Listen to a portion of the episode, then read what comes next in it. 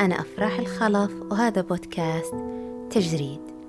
يقول المتنبي أعز مكان في الدنا سرج سابح وخير جليس في الزمان كتاب ويقول أحمد شوقي أنا من بدل بالكتب الصحابة لم أجد لي وافيا إلا الكتاب. صاحب إن عبته أو لم تعب ليس بالواجد للصاحب عابا كلما أخلقته جددني وكساني من حلى الفضل ثيابا صحبة لم أشك منها ريبة ووداد لم يكلفني عتابا ويقول الفيلسوف ميشيل دي مونتن في القراءة كانت مصدر تعزيتي في عزلتي. كانت تريحني من وطأة التبطل الباعث على الاكتئاب ويمكنها في أي وقت أن تخلصني من الرفاق المملين. وكانت تخفف نوبات الألم حين لا يكون الألم مستعصيا أو شديدا إلى درجة كبيرة. الالتجاء إلى الكتب هو كل ما أحتاج إليه كي أطرد الأفكار الكئيبة. شخصيا أؤمن بأهمية القراءة كملاذ للروح ونزهة للعقل وأعتقد أنه من المفيد مناقشة ما نقرأ وطرح التساؤلات حوله. وترجمة لهذا الاعتقاد انطلقت من مانشستر قبل أكثر من سنتين مبادرة نادي الكتاب وما زالت مستمرة. تعرفت من خلالها على عقول وأرواح لهم عندي كل الحب والإحترام والتقدير. تبادلنا الأفكار والمعارف تساءلنا تناقشنا اختلفنا واتفقنا ولكن الثابت في كل ما مضى من جلسات أننا نخرج بفكر أوسع وتساؤلات أكبر ورغبة في معرفة المزيد. في تجريد إيمانا منا بأهمية القراءة ورغبة في أن تعم فائدة ما نقرأ قررنا من خلال سلسلة نادي الكتاب. مشاركتكم ملخصات ومراجعات بعض الكتب التي يتم مناقشتها في نادينا. ومرحب بأي شخص يرغب بتقديم مراجعة لكتاب. ونطلق أولى حلقات سلسلة نادي الكتاب مع المبدعة نوف الحجيلي وكتاب القوى الناعمة. متابعة ممتعة.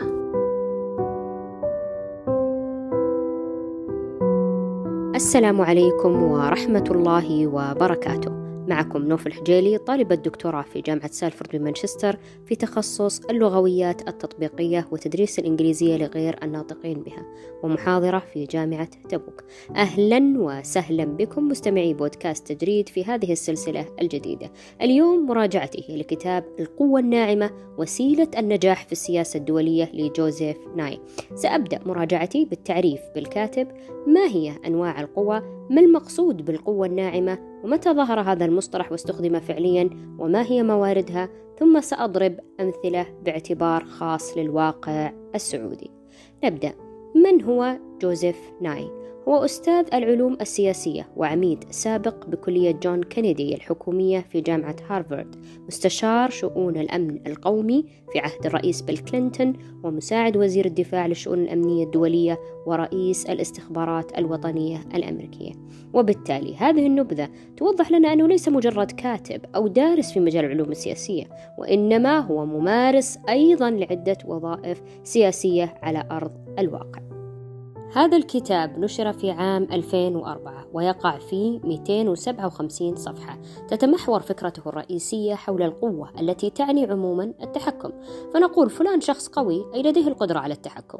لكن يرى الكاتب أن هناك نوعين من القوى هي القوة الصلبة والقوة الناعمة. القوة الصلبة هي التحكم بالإجبار أو العنف مثل استخدام القوة العسكرية. وعلى العكس منها تماما القوة الناعمة هي الحصول على ما تريد بالجاذبية والإبهار لا بالإكراه. أي أن العامل المشترك بين نوعي القوى هو التأثير لكن في الأولى يكون بالإكراه أما في الثانية فيكون بالجذب.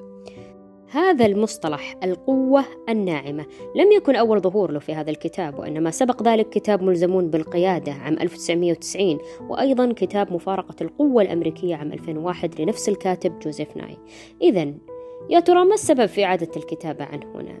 يكمن ذلك في رغبة الكاتب أن يؤكد على ضرورة استخدام القوة الناعمة التي تعد الوسيلة الرئيسية لكسب السلام الذي هو أصعب من كسب الحرب، وهو أيضا يؤكد بالمقابل على أن عدم دمج القوة الناعمة في استراتيجية الوطن وعدم تبنيها في الخطاب السياسي يعتبر غلطة كبيرة.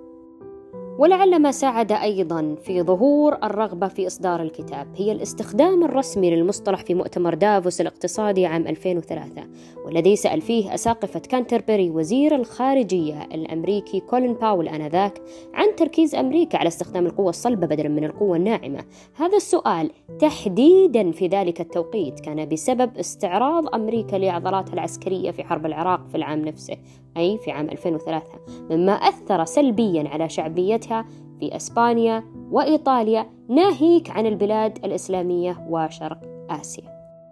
والآن بعد أن عرفنا القوة الناعمة وذكرنا متى ظهر هذا المصطلح واستخدم فعليا ننتقل للمحور الثالث عن موارد القوة الناعمة. يرى الكاتب أن هناك ثلاث موارد رئيسية للقوة الناعمة عموما تتمثل في أولا ثقافة البلد سواء كانت ثقافة عليا وهي المتعلقة بالابتعاث أو ثقافة شعبية مثل ثقافة الجماهير الأفلام الموسيقى الشعبية. أيضا ثانيا القيم السياسية للبلد مثل الديمقراطية. حقوق الإنسان نبذ الكراهية والعنصرية. ثالثا السياسة الخارجية المتعلقة بالنماء الاقتصادي المساعدات الدولية ومحاربة الإرهاب مثلا. يتطرق الكاتب تحديدا لهذه الموارد أي موارد القوة الناعمة في أمريكا. مثلا الاقتصاد الأمريكي يعد من أقوى الاقتصادات عالميا أيضا على المستوى الإعلامي أمريكا تعد أكبر مصدر الأفلام والبرامج التلفزيونية ولا عجب فهوليوود هي الأضخم في صناعة وإنتاج الأفلام عالميا. هذا بالإضافة إلى أن أمريكا تبيع مؤلفات موسيقية ضعف ما تبيعه اليابان. نقول وزير خارجية فرنسي سابق الأمريكيون أقوياء لأنهم يستطيعون إلهام أحلام الآخرين ورغباتهم بفضل إتقانهم للصورة العالمية عن طريق الأفلام والتلفزيون. المستوى العلمي من بين 1.6 مليون طالب يدرسون خارج بلدانهم 28% منهم مبتعثين لأمريكا في حين تشكل نسبة مبتعثي بريطانيا النصف أي 14%. هي أيضا تحتل المرتبة الأولى في جائزة نوبل في مجال الفيزياء والكيمياء والاقتصاد والمرتبة الثانية عالميا بعد فرنسا في الآداب وعلى مستوى النشر العلمي تنشر أمريكا أربع أضعاف المقالات العالمية والدولية التي تنتجها اليابان المنافسة لها في هذا المجال وتنشر كتب أكثر مما ينشره أي بلد في العالم لكن هل امتلاك موارد القوة يعني الحصول على النتائج؟ لا ليس بالضرورة. فلو أخذنا على سبيل المثال أفريقيا القارة الزاخرة بمواردها وخيراتها إلا أنها تفتقر لهذا النوع من القوة. ذلك أن الأمر يتعلق بطريقة توظيف الدولة لهذه الموارد ككروت رابحة في اللعبة السياسية.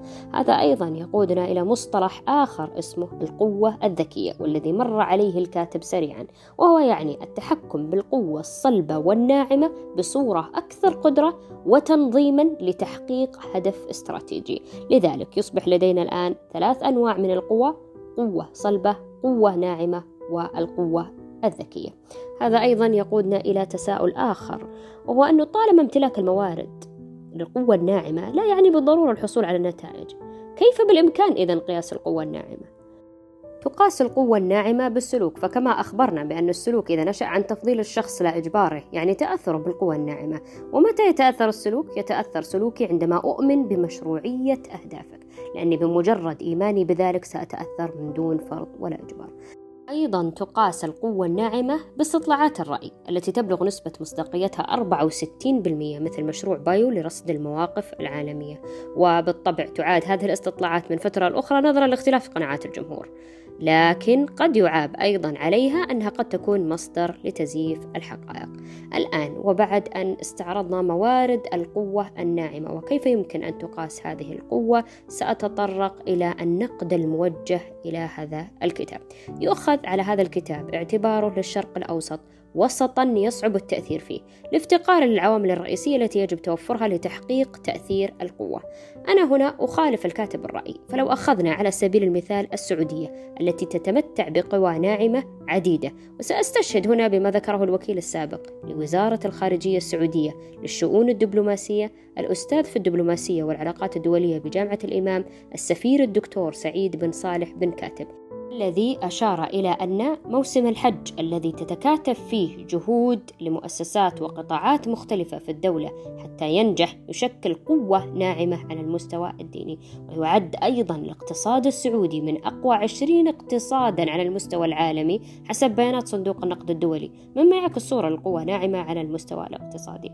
وأنا أضيف أيضا أنه على المستوى الخارجي لو أخذنا مثلا إعلاميا إنشاء معرض المملكة بين الأمس واليوم الذي أشرف عليه الملك سلمان حين كان أميرا للرياض ليجول العالم في الفترة من 1985 إلى 1992 في كل من ألمانيا وبريطانيا وفرنسا وإسبانيا وأمريكا ومصر والجزائر وتونس والمغرب للتعريف دوليا بثقافة المملكة العربية السعودية يعد أيضا قوة ناعمة على المستوى الإعلامي. أيضا أنا أرى أن السعوديين في تويتر قوة ناعمة ترفع أو تخفض شعبية العديد من المشاهير والفنانين. مثلا. على المستوى العلمي برنامج الابتعاث الذي أنشأه وابتدأه الملك عبد العزيز رحمه الله عام 1927 والذي كان نقلته النوعية الفعلية في عهد الملك عبد الله رحمه الله عام 2005 واللي بحسب دراسة الموسى عام 2010 يعد الأضخم ليس فقط في تاريخ المملكة وإنما على مستوى العالم أجمع. وقد استفاد من هذا البرنامج حتى الآن الآلاف من الطالبات والطلبة.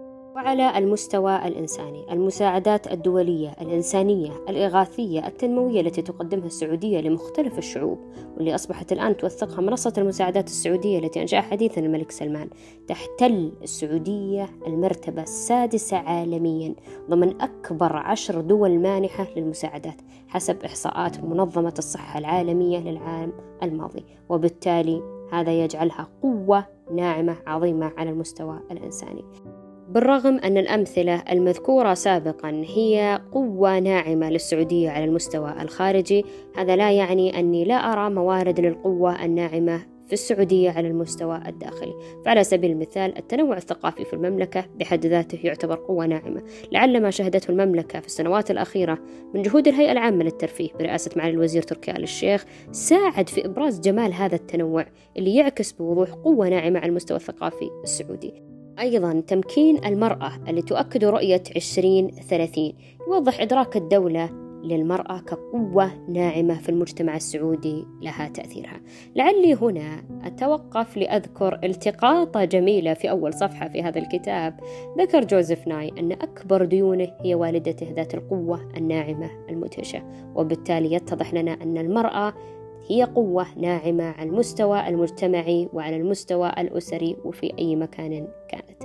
في نهاية مراجعتي لهذا الكتاب أود أن أقول أن هناك من يرى بأن هذا الكتاب يهدف إلى تغيير موازين القوة وإعادة تعريفها لصالح كتلة جديدة بأدوات جديدة أما بالنسبة لي فأرى أنه لفت انتباهنا لقوة من نوع آخر ذات أثر طويل وعميق وتحتاج إلى أن ننمي مواردها ونحسن توظيفها في مجتمعاتنا. أخيرا أرى أنه توجد العديد من موارد القوة الناعمة في المجتمعات كالقصص، الشعر، النكات مثلا وغيرها بالإضافة إلى ما سبق ذكره في هذه المراجعة ولأننا كما يقول جوزيف ناي قراراتنا في سوق الأفكار تتشكل بالقوى الناعمة غالبا. أحب أن تشاركوني أعزائي المستمعين والمستمعات ما هي القوة أو القوى الناعمة التي تؤثر أو أثرت في حياتكم؟ أنا بانتظار آرائكم ودمتم مؤثرين.